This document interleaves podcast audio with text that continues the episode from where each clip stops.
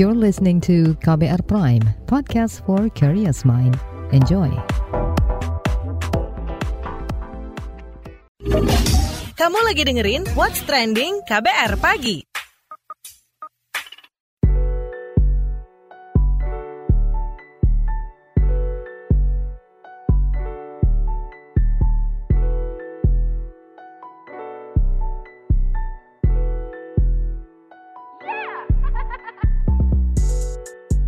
KBR Pagi, siaran pagi radio paling update. Selamat pagi, apa kabar Anda hari ini di hari Kamis 19 Mei 2022? Kembali lagi saya Don Brady menjadi teman pagi hari Anda semuanya di What's Trending KBR Pagi. Jadi nih ya, Presiden Joko Widodo itu resmi menyatakan pelonggaran penggunaan masker di era pandemi COVID-19 ini. Eits, tapi jangan salah persepsi ya.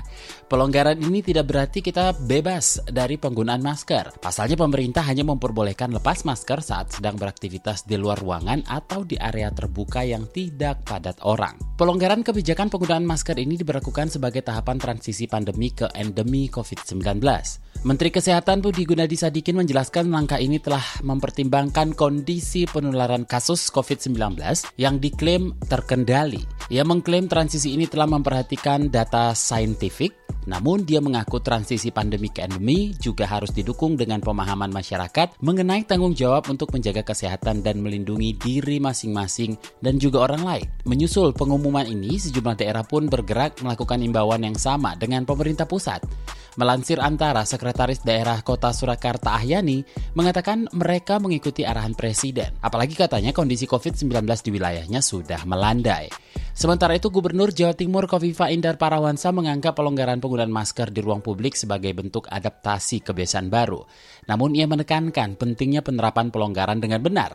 Ia akan memastikan pelepasan masker hanya diperbolehkan di luar ruangan yang tidak padat sementara di ruangan tertutup dan transportasi publik tetap menggunakan masker. Nah, bagi masyarakat yang masuk kategori rentan, lansia, atau memiliki penyakit komorbid, maka pemerintah tetap menyarankan untuk menggunakan masker saat beraktivitas. Demikian juga bagi masyarakat yang mengalami gejala batuk dan pilek, tetap harus menggunakan masker ketika melakukan aktivitas. Sebelum kita lanjutkan pembahasannya, kita dengerin dulu komentar warganet plus 62 berikut ini.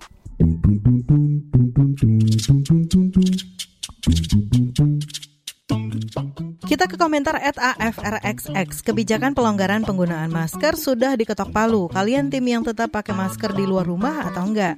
Lanjut at underscore IAMVVXX. Mohon maaf nih, sekarang buka masker kayak melepas imun tubuh gitu nggak sih? Kemarin main naik motor nggak pakai masker, auto masuk angin. Lanjut at Nadine XX. Ayo buruan booster, biar aman dan nggak perlu swab lagi kalau mau melakukan perjalanan. Karena pemerintah sudah memutuskan ada pelonggaran protokol kesehatan. At Santo XX. Here we go. Lalu at Anggun XX, tagar endemi. At KKN di Desa XX. Kok aneh banget ya, udah boleh lepas masker? Emang yakin kasus COVID udah selesai gitu aja? Bukannya masih disarankan pakai masker ditambah lagi masih ada kasus hepatitis. Apa nggak ada tindakan tegas untuk masalah ini? Mau mulai season 3 nih. Lalu at Jenny XX. Well, kenyataan di lapangan udah banyak banget yang nggak pakai kok. Padahal pas pandemi masih banyak yang nggak percaya COVID juga ada. Yang mana adalah kebebasan untuk meyakini apa yang mereka mau yakini, tapi hormati orang lain juga yang masih mau prokes.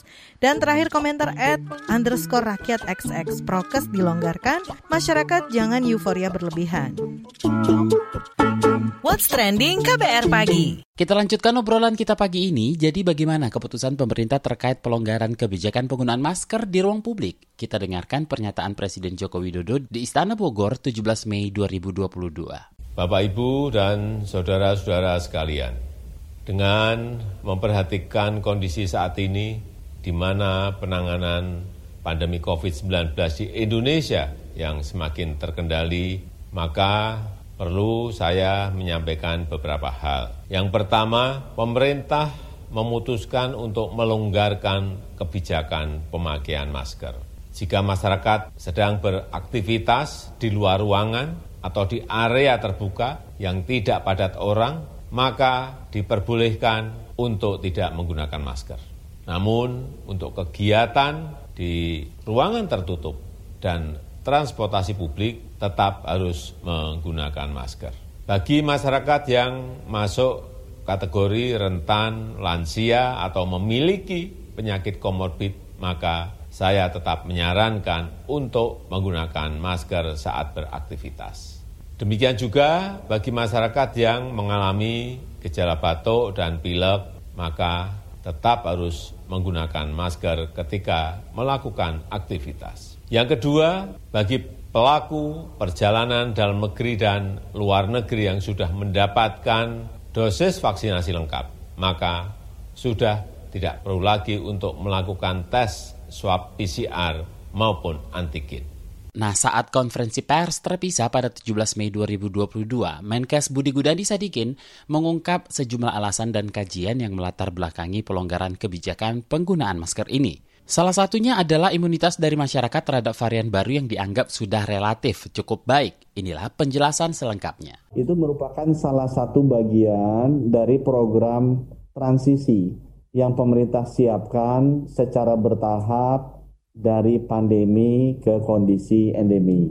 Saya pernah sampaikan ke teman-teman bahwa salah satu hal yang paling penting untuk bisa melakukan transisi dari pandemi ke endemi, selain data-data saintifiknya adalah pemahaman masyarakat bahwa tanggung jawab kesehatan itu ada di diri masing-masing. Jadi sekuat apa pun negara mencoba mengatur masyarakatnya untuk berperilaku hidup sehat, tetap yang paling baik adalah kesadaran untuk berperilaku hidup sehat itu ada di masing-masing individu.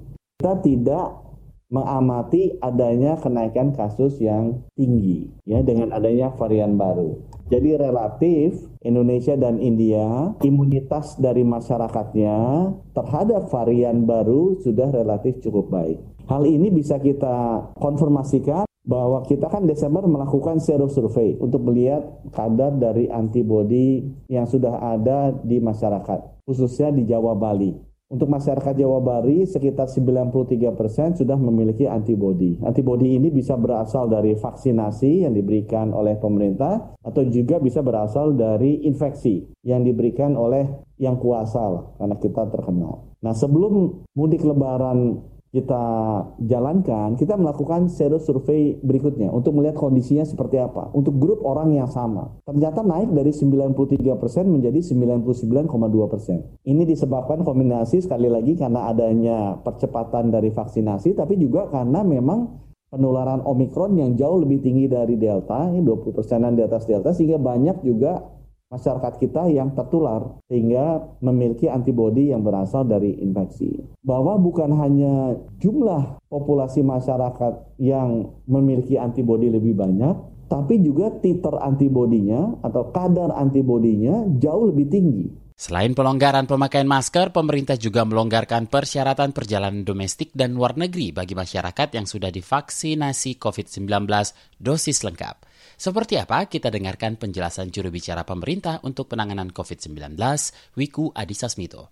Jadi menindaklanjuti arahan dari Presiden dan melihat kondisi COVID-19 di Indonesia yang makin terkendali seperti tadi sudah dijelaskan, maka pemerintah akan melakukan pelonggaran tidak menggunakan masker untuk aktivitas di ruangan terbuka yang tidak padat orang. Namun populasi rentan dan orang yang sedang dalam keadaan tidak fit tetap disarankan memakai masker untuk mencegah peluang tertular atau menularkan secara lebih baik. Dan dihapuskannya kewajiban menunjukkan hasil tes COVID-19 bagi pelaku perjalanan dalam negeri dan luar negeri untuk melakukan perjalanan dengan catatan telah divaksin dengan lengkap. Nantinya elaborasi arahan Presiden ini akan dituangkan dalam beberapa perubahan kebijakan pengendalian COVID-19, yaitu terkait pelaku perjalanan dalam negeri dan luar negeri, dan masa berlaku efektifnya per tanggal 18 Mei 2022. Faktanya, walaupun pemerintah telah banyak kembali mengizinkan peningkatan aktivitas masyarakat, namun kita perlu tetap melanjutkan upaya vaksinasi dan budaya hidup bersih dan sehat lainnya seperti protokol kesehatan. Karena sejatinya pandemi belum resmi dinyatakan berakhir oleh WHO. Tentunya keputusan ini telah menimbang perkembangan kasus nasional dan global terkini dan tetap memperhatikan prinsip kehati-hatian. Pada momentum ini pemerintah sepakat untuk memanfaatkan waktu untuk melakukan pemulihan ekonomi nasional yang terdampak akibat pandemi selama dua tahun belakangan ini untuk dapat kembali pulih. Dan tentunya kita berharap kebijakan ini dapat dijalankan dengan baik, namun nantinya masyarakat diharapkan dapat tetap waspada, siaga, dan adaptif dengan berbagai perubahan yang ada ke depannya. What's Trending KBR Pagi Newsbeat Denda sebesar 1 juta dolar Hong Kong dikenakan kepolisian kepada pemimpin triad akibat pelanggaran peraturan pengetatan COVID-19 di wilayah Hong Kong. Pada 14 Mei lalu, pemimpin triad menyelenggarakan acara pesta ulang tahun dan mengundang 219 orang untuk berkumpul. Ini pun melanggar aturan di mana batas maksimal berkumpul adalah 20 orang per jamuan makan. Sebelumnya pemerintahan Hong Kong menerapkan sejumlah pengetatan untuk mengendalikan pandemi COVID-19 dan mencapai nol kasus. Petugas terkait pun melakukan patroli untuk memantau penerapan aturan pengetatan yang ada. Beberapa pihak mendesak pemberian hukuman bagi Idrissa Gueye atas penolakan penggunaan kostum Paris Saint-Germain atau PSG dengan corak pelangi pada nomornya. Pemain sepak bola berkewarganegaraan Senegal ini menolak bermain saat PSG melawan Montpellier. Sebelumnya, seluruh klub Liga Prancis menggunakan nomor punggung dengan warna pelangi sebagai bentuk dukungan kepada kelompok LGBTQ+, pada 17 Mei yang merupakan International Day Against Homophobia, Biphobia, and Transphobia. Guy menolak bermain dan menggunakan kostum itu karena bertentangan dengan ajaran agamanya. Alasan ini pun dipermasalahkan karena para pemain bola dianggap sosok pemberi contoh pada masyarakat luas. Boyband asal Korea Selatan BTS mencatat rekor baru di ajang penghargaan Billboard Music Award. BTS menjadi grup paling banyak mendapatkan penghargaan sejak kemenangan pertamanya pada 2017. Boyband yang digawangi RM ini memiliki 12 kemenangan Billboard Music Award dan menggeser Destiny Child yang sebelumnya tak terkalahkan dalam 17 tahun. Pada tahun ini BTS masuk 6 nominasi dan memenangkan 3 penghargaan, yaitu Top Duo atau Grup, Top Song Sales Artist, dan Top Selling Song untuk Butter.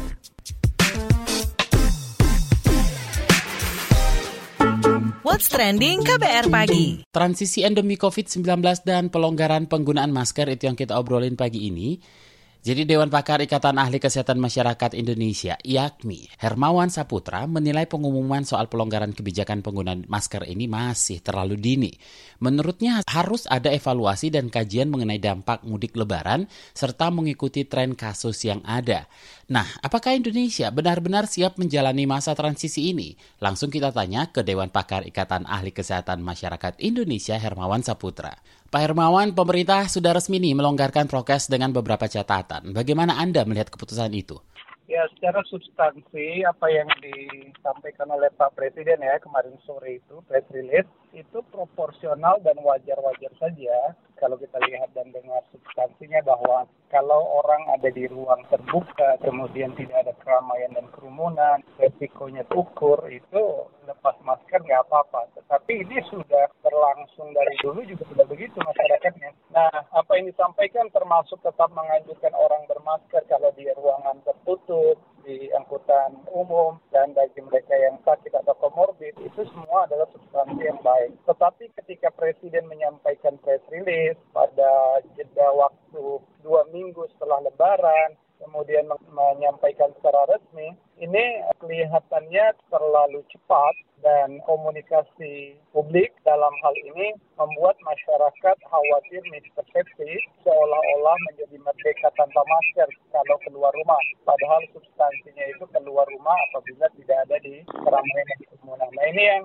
berpotensi disalahartikan oleh publik. Nah publik kita kan sebenarnya sudah sudah sangat permisif ya. Orang-orang sudah jarang menggunakan masker dan lain-lain selama ini.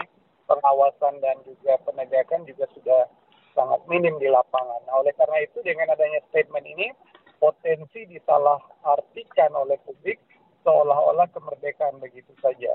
Sehingga timingnya dirasa yang disampaikan Bapak Presiden ini uh, terlalu cepat timingnya. Andai dua minggu lagi setelah adanya evaluasi uh, setelah Lebaran satu bulan setelah Lebaran, nah mungkin itu jauh lebih tepat disampaikan secara resmi di depan publik. Itu saja sebenarnya yang menjadi uh, catatan dari apa yang disampaikan Pak Presiden. Apakah Indonesia sudah siap bertransisi ke endemi melihat tren kasusnya saat ini? Itu yang saya bilang kita harus menunggu waktu hingga dua minggu ke depan dan kita kan melewati momentum lebaran kan setelah orang mudik dan balik dari kampung halaman dengan lebih dari 85 juta orang kan. Artinya kalau kita ingin mengukur betul-betul dampak itu masih butuh waktu.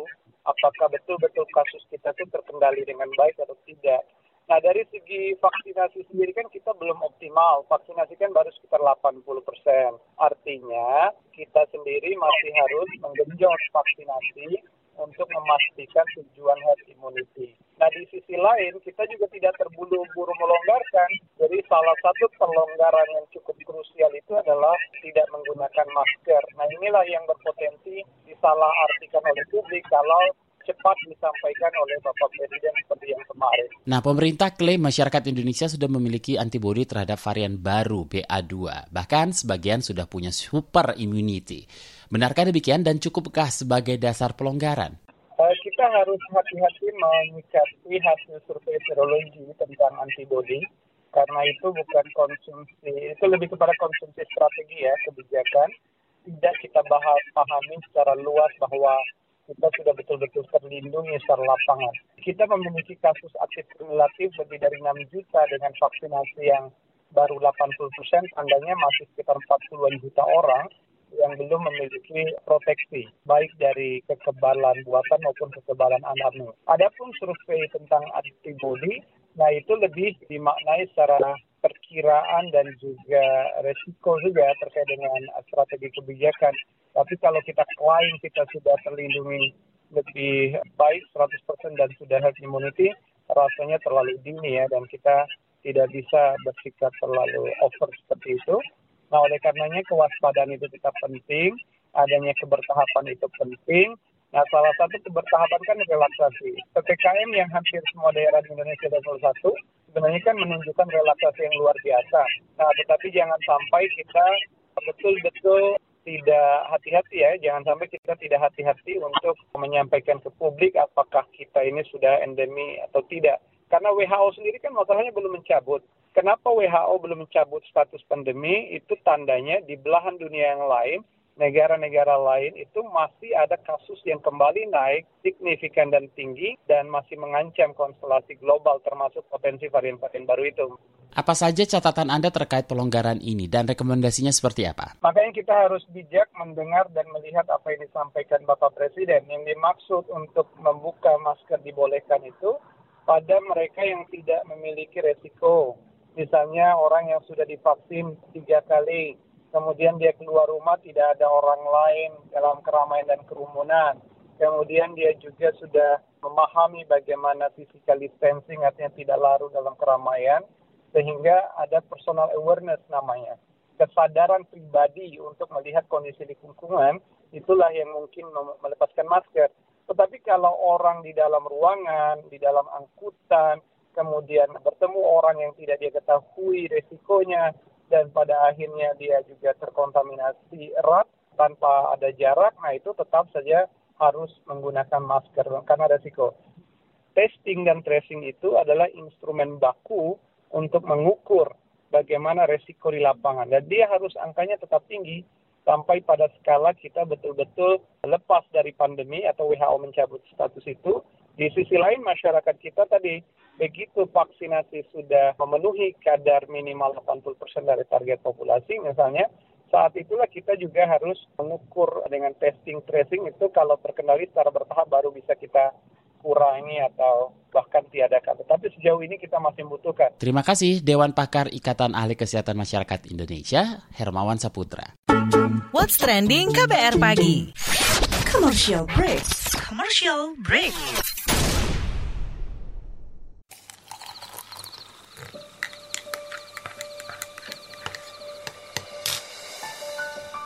Hai, kamu apa kabar? Masih suka menikmati senja dan kopi? Aku masih ingat kebiasaan kita. Sehabis pulang kerja, selalu mencari tempat untuk sekedar ngobrol dan ngopi. Tapi kadang kita kehabisan bahan obrolan. Aku masih melakukan hal yang sama sampai sekarang tanpa harus takut habis bahan buat ngobrol.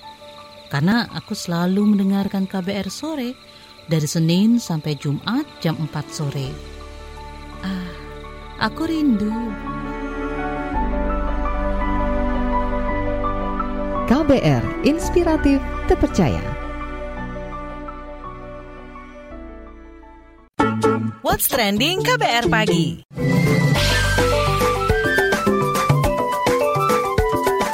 WhatsApp Indonesia.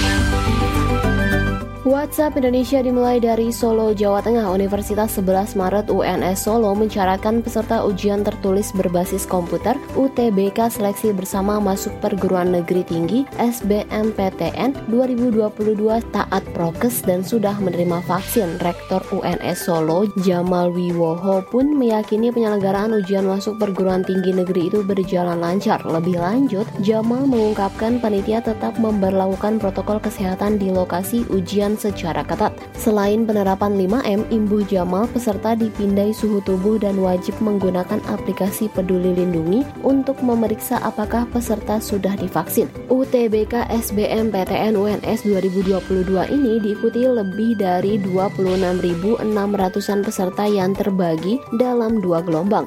Gelombang 1 mulai 17 sampai 23 Mei 2022 dan gelombang 2 pada 27 Mei sampai 3 Juni 2022. 2022. Ada dua peserta disabilitas UTBK yang akan mengikuti ujian itu. Selanjutnya menuju Jayapura, Papua. Kota Jayapura dinyatakan nihil dari kasus COVID-19 setelah tidak ditemukan lagi kasus baru sejak 12 Mei lalu. Wakil Wali Kota Jayapura, Rustan Saru mengatakan, ini kali kedua ibu kota provinsi Papua berada pada zona hijau sejak wabah corona masuk ke Papua Maret 2020.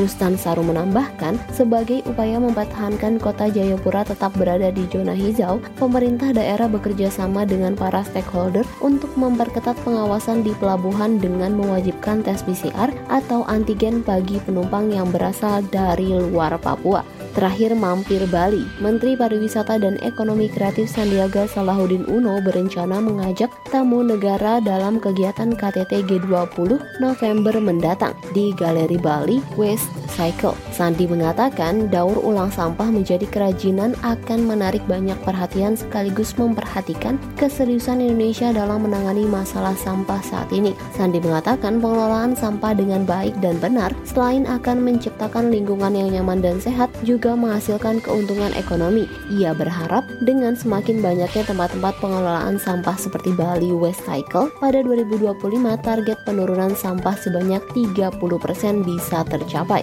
Demikian WhatsApp Indonesia hari ini. Demikian KBR pagi hari ini. Jika Anda tertinggal siaran ini, Anda kembali bisa menyimaknya di podcast What's Trending yang ada di Spotify, kbrprime.id, dan di aplikasi mendengarkan podcast lainnya. Dan Brady undur diri, besok kita ketemu lagi. Stay safe. Bye-bye. Terima kasih ya sudah dengerin What's Trending KBR Pagi. KBR Prime, cara asik mendengar berita. KBR Prime, podcast for curious mind.